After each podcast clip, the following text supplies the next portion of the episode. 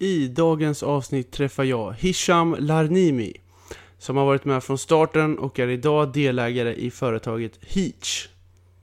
Heach är idag en färdtjänsttransport för dig som vill ha en bra upplevelse medan din förare kör dig till punkt A till punkt B och finns som app att ladda ner i mobilen. Vi pratar om Hishams resa till USA där plugglivet började och hur han tänker som entreprenör. Hur tacklar man jobbiga situationer i yrket egentligen? Och vad har han för roll i företaget idag? Nu kör vi!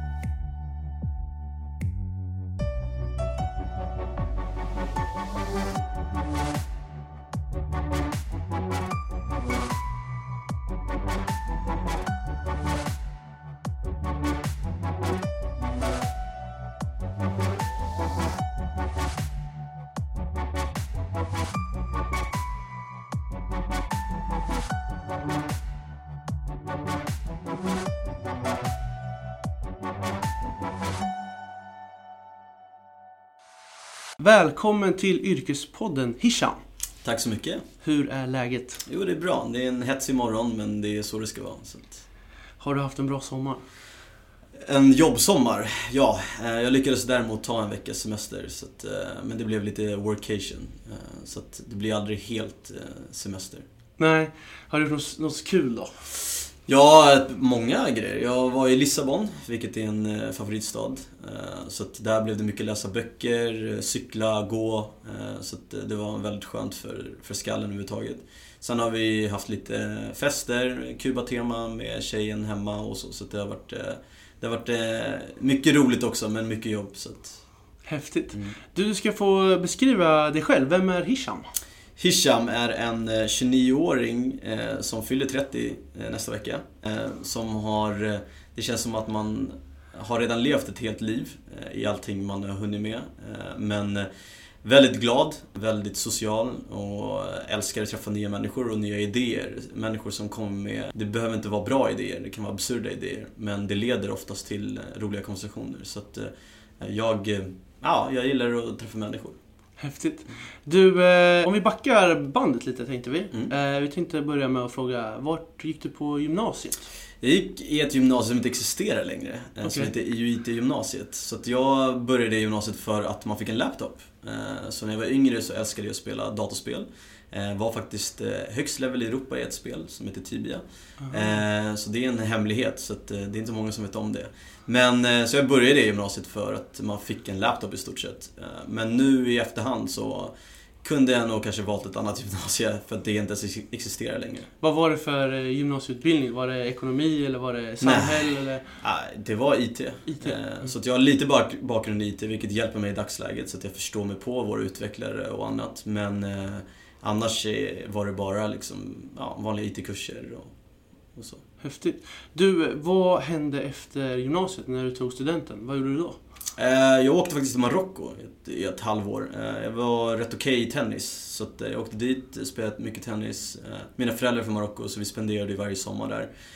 Men, så det var det jag gjorde. Och sen insåg jag, okej okay, jag kanske inte blir proffs. Så att få utnyttja tennisen till någonting annat. Och då blev det att jag sökte lite stipendium i USA och hamnade där.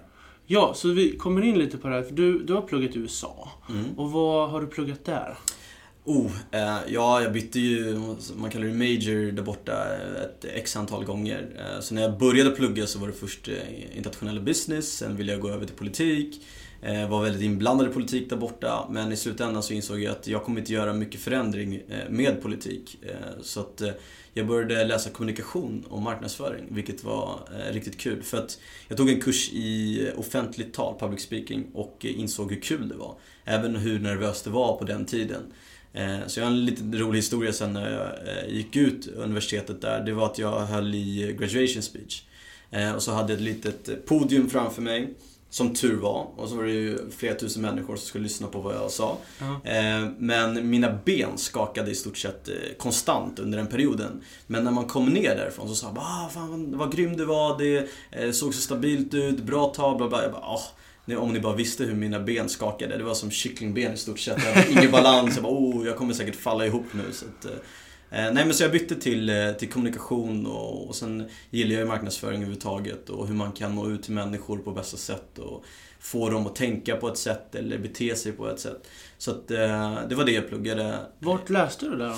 Eh, så jag läste i, eh, precis utanför Palo Alto, eh, San Francisco-hållet på ett universitet som heter Foothill College. Och pluggade där i två år och sen så flyttade jag till Miami och fortsatte mina studier där. Och det var tack vare tennisen att jag kunde skifta. Har du fått någon typ av stipendier på grund av tennisen för att komma in lättare på USA? Exakt. Ah, okay. exakt. Så Hur det funkar så... det där? Ja, jag visste inte så mycket då. Eh, så att jag eh, gick ju till Kilroy och började fråga typ hur tar man sig till USA? Jag är rätt okej i tennis, här är min video typ. Och så de hjälpte mig då med första stegen. Vad är det för något då?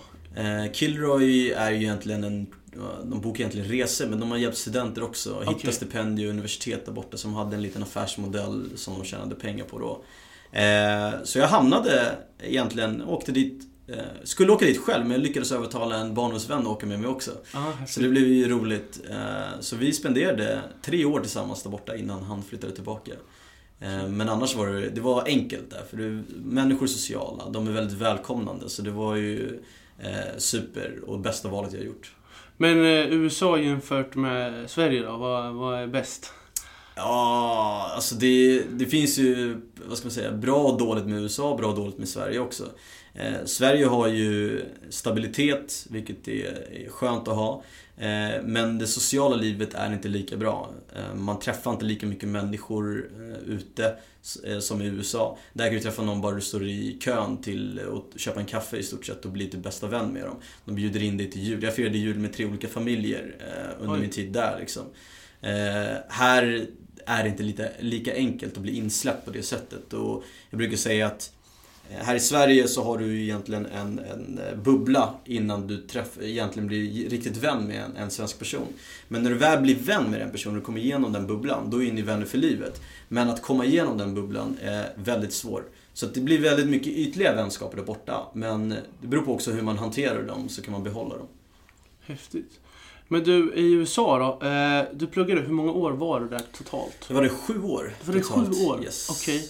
Eh, och då pluggade du endast i sju år? Nej, så jag pluggade i fem år och sen ah. byggde jag bolag där borta, eh, mitt sista år i universitetet. Vad gjorde du då? då?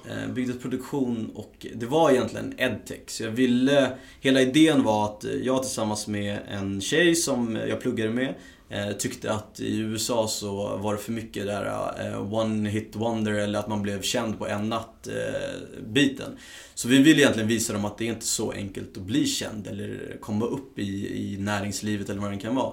Så vi började träffa, vi började samarbeta mycket med NFL-spelare, NBA-spelare, Marley-familjen och där vi verkligen intervjuade dem och så, frågade ut dem liksom, är det verkligen så enkelt? Så berättade de deras historia, deras struggles. Och det då ska man säga, delade vi mot alla studenter så att de skulle förstå så här, det är inte så enkelt.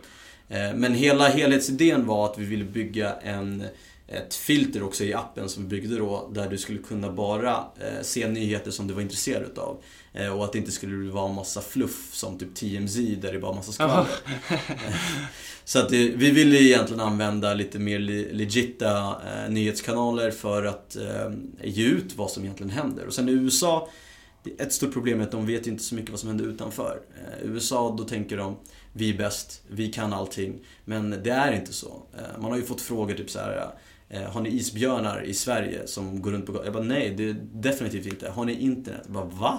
Vet, vi var först med 3G och du vet så här, internet, vi ligger nog långt före er när det kommer till den biten.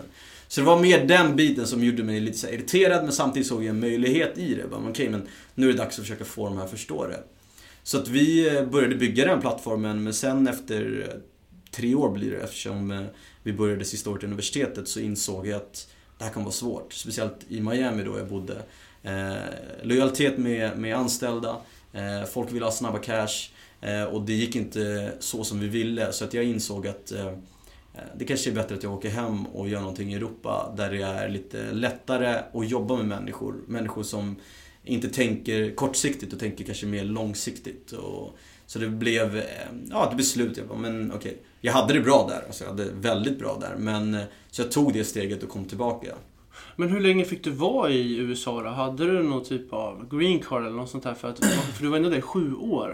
Så att när du pluggar där så är det lugnt, då är det studentvisum. Men när du tar examen så får du något som heter OPT, vilket är att du får vara där ett år till och jobba. Aha. Eh, Så jag har sökt efter det. Eh, Jag jobbade ju samtidigt eh, som jag byggde bolaget så jobbade jag på Svenska Handelskammaren också. Så jag gjorde min OPT via dem. Eh, Och det var så jag stannade kvar ett tag till. Häftig resa. Och sen nu ska du tillbaks över Atlanten till Sverige. Eh, vad gjorde du efter USA? Uff, När du kom eh, tillbaks och landade i Sverige liksom. Ja, men jag var redan klar med Heach-gänget eh, som jag höll på med då eh, innan jag flyttade tillbaka. Så att, eh, då var de 15 pers i bolaget och skulle lämna Frankrike. Ja. Och då tyckte jag att det här är perfekt timing och gör någonting kul med nånt- en produkt som redan finns, Ja. som har visat att det funkar. Eh, och då tänkte jag direkt, jag, bara, men jag måste göra det här. Så jag nådde ut till dem, hade fler intervjuer med dem eh, och sen till slut så var det typ att jag fick eh, nästan ta en liten eh, smäll för att få jobba med dem. Och det var att jag, ett, hade inget boende när jag kom tillbaka. Så jag bodde i kontor. Det kanske man inte får säga men eh, bodde i kontor i... Säg allt här. Ja, bodde i kontor i fyra månader och eh, tills jag fick ett boende då, senare. Men eh, det jag sa till Teddy då som eh, grundaren och VDn, det var så här, okej men ge mig en möjlighet, ge mig chansen. Du vet vad jag gjort innan, jag har berättat det. Eh, tre månader provanställning, sen kan ni bli av med mig eller anställa någon annan eller vad det kan vara. Så då var det lättare för dem att gå med på det. Och så, sen dess, nu har det gått över två år och jag är fortfarande kvar med dem. Då kan du faktiskt få beskriva för alla lyssnare som inte vet vad Heach är. Vad är Heach? Så Heach i, i stort är egentligen en transporttjänst Eh, som är fokuserad mot unga och eh, nattlivet där vi vill ge alla möjlighet att ta sig hem och det ska inte göra ont i plånboken så vi försöker ligga under alla andra priser i städerna som vi är i eftersom vi har lägre avgifter också mot eh, förarna. Men i början, hur Heach grundades var att vi såg att det var ett problem att komma ut i förorterna när man var inne i och klubbade eller vad det än kunde vara. Att taxiförare inte ville köra nu till nu var det i Paris, men även här, man kan ta ett exempel. att eh, Det är ingen förare som kanske åker ut till Vallentuna, eh, för då får de ingen körning tillbaka. Och då insåg vi, okej, men hur, hur löser vi det här för att ge alla möjlighet att komma hem? Och det var att eh, låta privatförare, alltså att en vanlig person som ändå skulle hem, eller var ändå ute, eh, men nykter eller vad man kunde vara, kunde få ta med sig en person då ut till Vallentuna om de ändå bodde typ i Täby eller någonstans i det hållet. Och få täcka kostnader som bensin eller försäkring eller slitage eller vad det var. Så vi satte ju ett tak då på att man bara fick tjäna upp till 40 000 kronor om året. Eh, en bil kostar mycket mer än så. Så vi gjorde det i ett, ett par år eh, i Paris, vi gjorde det i ett och ett halvt år här i Sverige. Men tyvärr så har ju regelverken inte hängt med eh, och eh, utvecklingen har gått för snabbt för politikerna att hänga med och se vad är det som egentligen behövs. Eh, Då var vi tvungna, vi tyvärr förlorade en dom i tingsrätten. Och då bestämde jag personligen att okej, vi måste stoppa den här tjänsten och bygga vidare på taxitjänsten som vi hade lanserat bara några månader innan. Eh, så att vi fortfarande kan vara kvar och ge den här möjligheten till ungdomarna. Men även i längden också kanske få ta tillbaks den. Eh, för det är det som vi tycker behövs för att ta utvecklingen vidare. Eh, men en, vi hade en annan tingsrätt typ två veckor efter det. Där vi vann. Så det var så här, ah, jag kanske inte skulle ha stoppat den. Men samtidigt är det bättre att jag gör det och inte skicka massa människor i risk. Eh, Men vi har ändå hjälpt dem med allting, så de har inte behövt eh, stå för någonting själva och den biten. Och det var någonting som jag eh, begärde när vi började och det sa ju Teddy själv, men det är ju självklart. Vi gör ju så i andra länder också. Vi kommer inte slänga folk under bussen. Så det har varit ett moraliskt beslut att vi bara, okej, men nu stoppar vi det. Vi tog en smäll, verkligen. För vi hade byggt upp en tjänst som fungerade. Och sen ska vi bygga om den igen. Så i stort sett så kraschade allting och nu så bygger vi upp igen. Men eh, Heach finns som app Mhm. i din telefon. Mhm. Eh, och jag blir så jäkla nyfiken för att eh, hur gör man en app och hur går hela processen till? Alltså, är det svårare än vad man tror? Kostar det mer?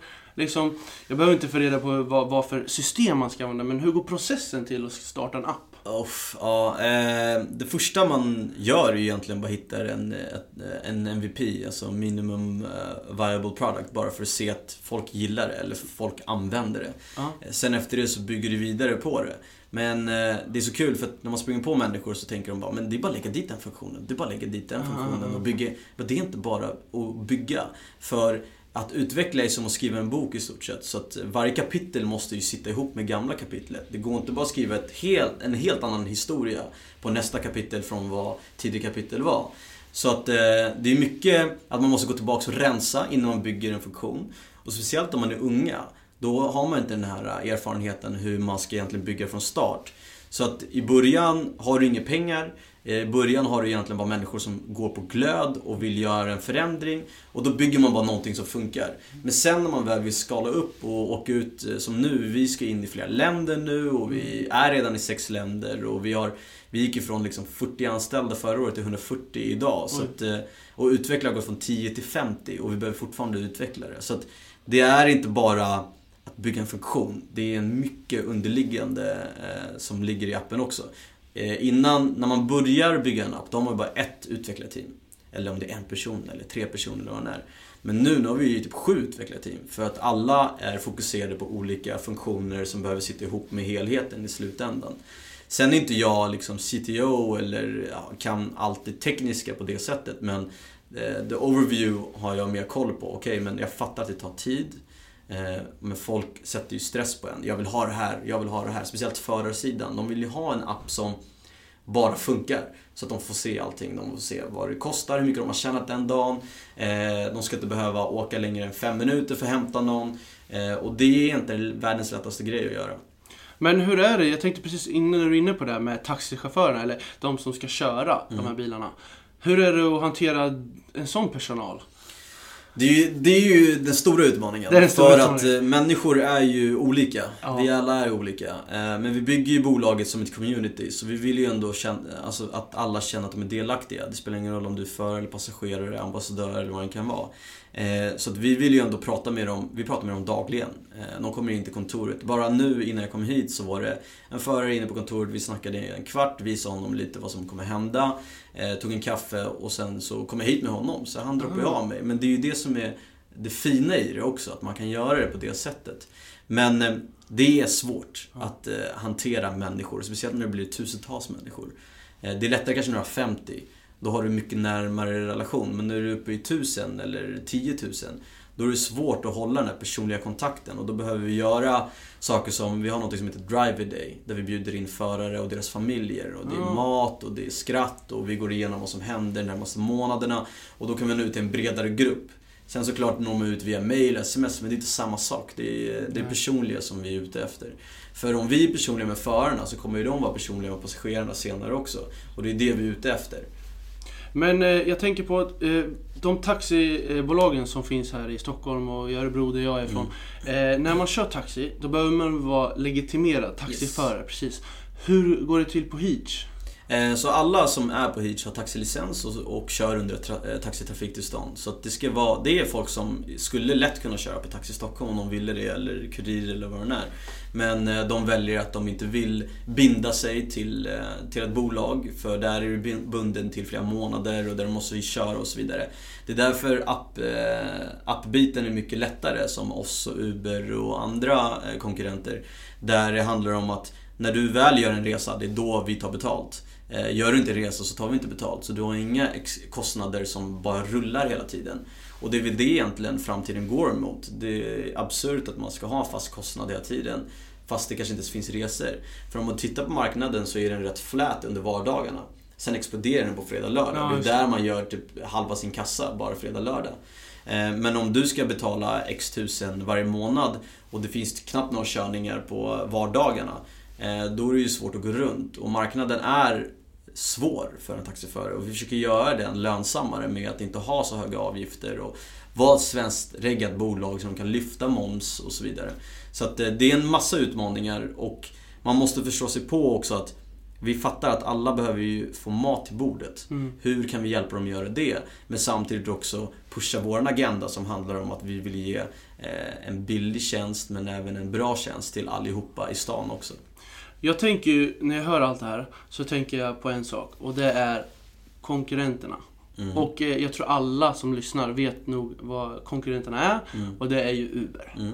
Eh, vad är skillnaden och varför är ni bättre än dem och varför... Förklara liksom. Varför ska man vilja Heach? Alltså det är... Uber, man måste ge dem all ära. De har ju liksom ändrat marknaden helt och hållet. De har Verkligen. ändrat beteende och så vidare. Eh, Vi delar ju före med Uber. Så att förarna kör ju både på Uber och Hitch i dagsläget. Så Aha. de har ju två appar som liksom, där de kan optimera deras kassa. Det vi vill göra är ju såklart att de ska föredra oss för att det är mindre avgift och de kan rycka moms och lite annat i deras resa som de gör. Men Stora skillnaden mellan oss och Uber. Uber fokuserar ju såklart att du ska ha bil hela tiden och du ska få det på två minuter. Det är liksom en av deras core-grejer. För oss handlar det mer om den personliga biten.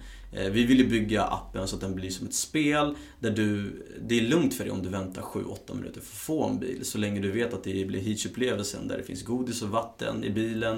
eh, Där du, Finns det alltid godis och vatten i bilen? det kan jag aldrig garantera, men vi försöker pusha ut så mycket som möjligt. Det är just det här med den mänskliga faktorn, att vissa vill inte göra det, vissa vill göra det, vissa är, det är bara svårt att få dem att komma in och ta godiset. Eh, men vi har också gjort så här mycket samarbete med dryck där vi kan lägga ut, eh, säg Nobel eller Nocco eller vad det är, så blir det Mm. kul också. Så om du sätter dig i en bil, du är trött, Ja. klockan fyra på morgonen. Mhm. Det hade varit skönt att få en Nobel eller en Nocco bara för att känna att du blir Istället pigg för att stanna på Pressbyrån, det är bara åka... Exakt. Ja. Så drömmen hade ju varit typ att man hittar samarbete med alla. Så McDonalds, Max, alla de här. Så att man bara kan göra sina stopp hur man vill. Eller att Ah. typ, de bara kommer ut. Ja men nu kommer Hitchbilen, vi går och lämnar eh, ut burgaren som de beställde via appen eller vad det är. Men det är ju liksom en långsiktig Mm, dröm. verkligen. Men när man eh, kommer in och nischar sig under nattlivet och blir bäst på nattlivet. Och då handlar det inte, en av våra core values handlar om att respektera nattlivet. Och då säger vi inte att vi ska bli bäst på att festa, även om vi typ är det. Alltså vi är ju på alla fester, alla festivaler och vi Ah. samarbetar med artister och allt möjligt. Men det vi vill kunna göra är ju att göra natten en helhet där du kan få eh, eh, allt som handlar om kvällen. Eh, där du eh, kan göra dina stopp utan problem.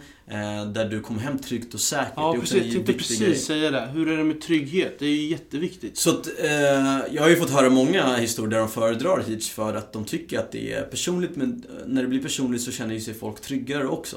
Eh, och när du har förarna på din sida så vinner du ju lite den kampen med. Så att tryggheten, vi har ju en plan om hur vi kan göra det ännu tryggare men i dagsläget handlar det om att eh, vi träffar ju alla förare innan de får köra på Hitch. Vi Mm. går igenom allting så att vi får den här personliga kontakten med dem. Och då är det jobbigare kanske att, säga någonting dumt för då vet de att vi kommer få reda på det. Slutet av resan så kan du kommentera på resan. Och vi läser ju det varje dag, dagen efter. Så om någonting har hänt försöker vi lösa det direkt. Men jag brukar skämta eh, på kontoret och säga att vi måste vara både FBI och CIA. Så CIA, de löser ju problem innan det ens händer. Alltså att de får höra rykten eller vad det är. Och det är ju typ där vi måste vara bäst på. FBI är att vi ska vara snabba på att lösa det direkt efter. Så att eh, det är, skämt åsido är liksom det vi försöker göra. Men eh, vi bygger också funktioner där, du- där du ska kunna dela din resa med kanske dina föräldrar eller tjejen eller vad det kan vara. Där de kan följa din resa live.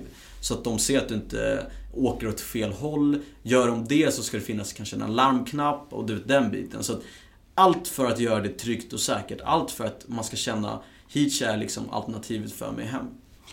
Vad är din roll i Hitch? Mm. Eh, vad, har du, vad har du för roll? Vad är dina arbetsuppgifter? Hur ser en eh, dag ut? Oj. Eh, oj, oj, oj.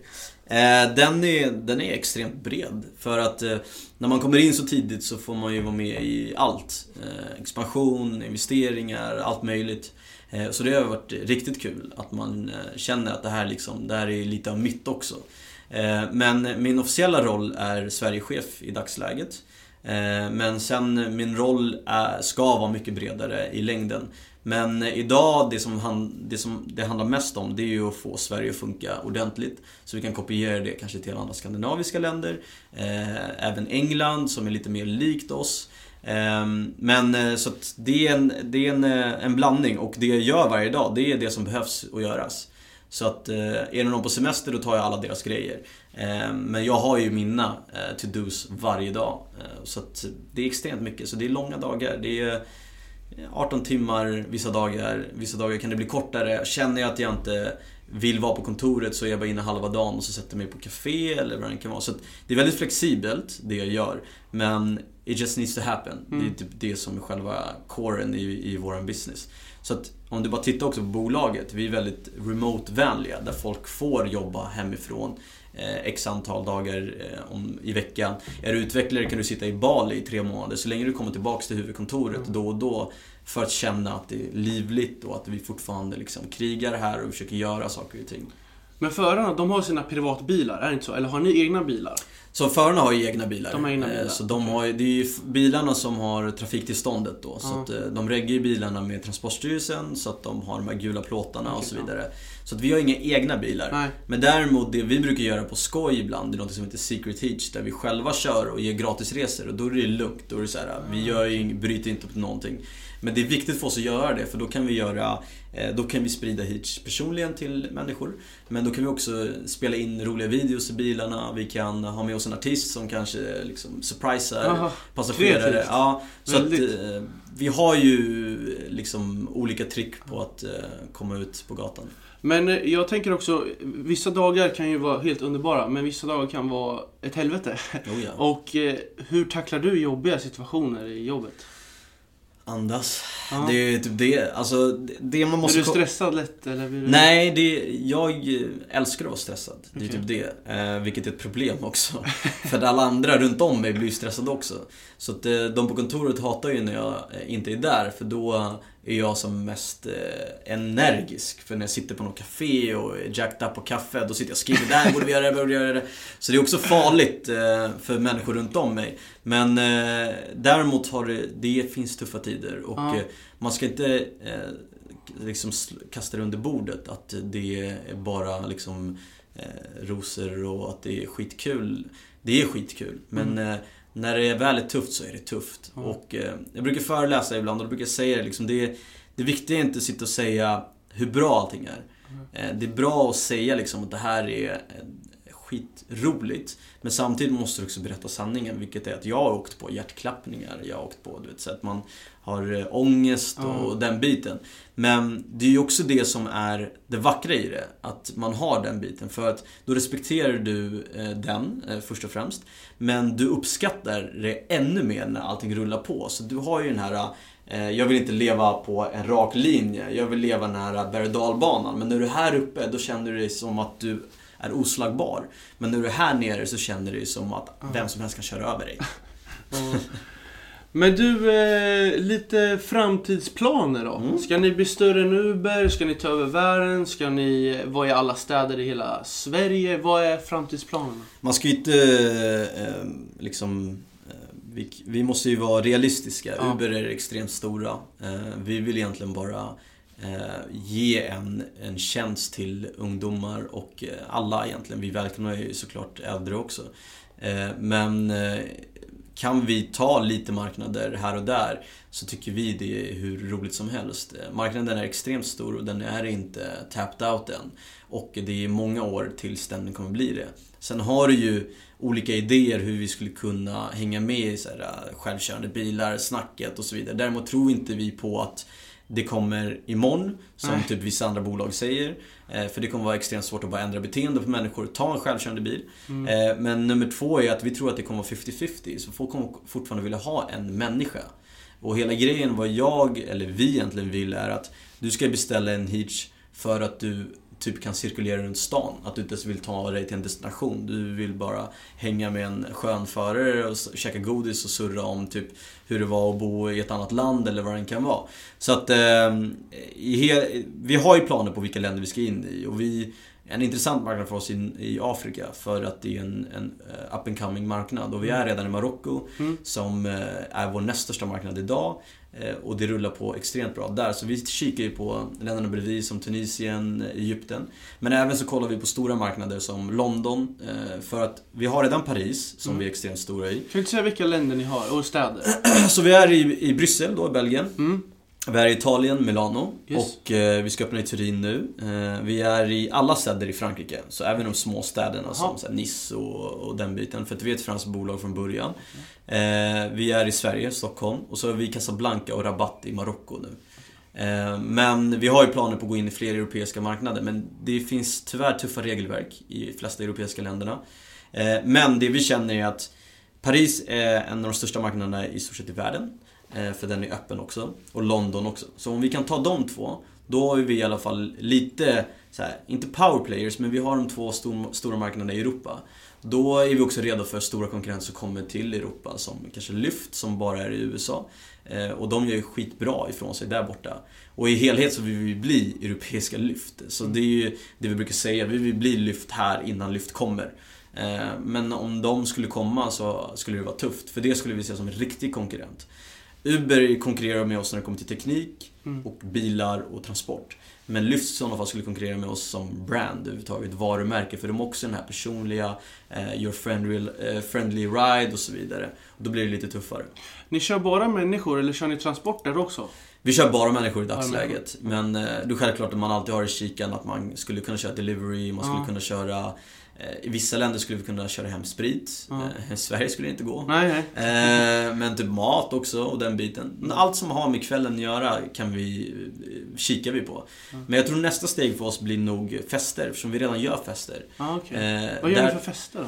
Så att eh, i dagsläget i alla länder så samarbetar vi med stora festivaler, vi eh, går in och liksom co-hostar fester med sådana som redan gör fester. Eh, men vi har även gjort våra egna fester. Vi gjorde en stor fest här eh, i förra hösten. Eh, på Hilma där vi hade, vi fyllde stället 300 pers och det var 100 pers utanför som försökte komma in också. Så de var tvungna att vänta på människor att gå ut. Och varför inte kapitalisera på det när du har artister som är dina vänner och de vill ställa upp för de vill hjälpa dig också. Ja, okej. Så då uppträder de. Vilka artister är det där då? Som Ja, men det är ju urban, eh, liksom urban artister och även DJs och den biten. Men eh, artister från eh, Malcolm B till eh, eh, Da Costa, Finesse och några fler liksom som eh, jättegärna eh, hjälper oss när vi behöver det. Eh, en grej som jag tänkte nu, sociala medier. Mm. Hur eh, jobbar ni med det? Det vi vill jobba bättre. eh, Vadå då? nej, Vad händer? Men det är för att resurser saknas ju såklart. Eh, I Paris jobbar vi extremt bra med det, för där är ju huvudkontoret, där har vi liksom en person som är ansvarig bara för sociala medierna. Men i de andra länderna där resurserna kanske inte är på samma nivå, eh, så jobbar vi fortfarande med sociala me- medier, men den är inte lika bra som den är i andra länder. Eller i Paris då, eller i Frankrike. Mm. Men eh, vi har en plan eh, och eh, den är ju igång. Folk följer oss och, och gillar det och vi har en aktiv eh, Instagram story där vi alltid skickar ut vad vi har för samarbeten den här veckan så att de vet vart vi är och kan komma och hänga med oss. Eh, kommunicera till ambassadörer. Eh, om vi har fritt inträde på vissa ställen kan de komma dit för att de är våra ambassadörer. Så att lite mot det hållet kommer vi gå och då vet vi att sociala medier är key för det. Är grymt. Eh, vi ska faktiskt knyta ihop den här säcken nu. Mm. Eh, och jag brukar alltid säga till mina gäster som är med att de ska få ge tre tips. Eh, och då ska du tänka till eh, tre tips som du ska ge till en eh, blivande entreprenör då, Mm. som jag ser dig som. Mm. Eh, och eh, då ska du tänka att eh, vad, vad, vad ska man tänka på? Vad, vad, behöv, vad krävs? Så om vi börjar med tips ett, vad skulle du säga då? Eh, bra fråga. Alltså, det är ju det, det är just varför vi byggde det första bolaget. Att ge folk en realistisk vy utav vad det är att vara entreprenör. Eh, folk skönhetsmålar det och det är ingen skönhetsmålning. Det är blod, svett, tårar. Men det är mycket skratt om du får göra det med rätt människor. Så rätt människor är viktigt att ha. Eh, Tänk inte för ehm, eh, egoistiskt. Där du tänker jag vill äga hela bolaget eller jag vill ha 50%. För om du, du kan inte ha en stor bit i en, lit, en liten tårta. Du vill hellre ha en liten bit i en stor tårta. Ja. Och då handlar det om att ha människor med dig som också får eh, delägarskap eller vad det kan vara. För du kommer inte komma någon vart utan människor. Så det är nummer ett, ett bra team. Ett bra team, superbra. Nummer två. Två, när du har ett bra team, då ska du svälja din stolthet också. För det är en grej som bara är i vägen. Och stoltheten, du vinner ingenting utav det. Eh, det är ingen som kommer och säger till mig eh, Jag har gjort det här eh, tack vare min stolthet. Nej, alltså svälj den.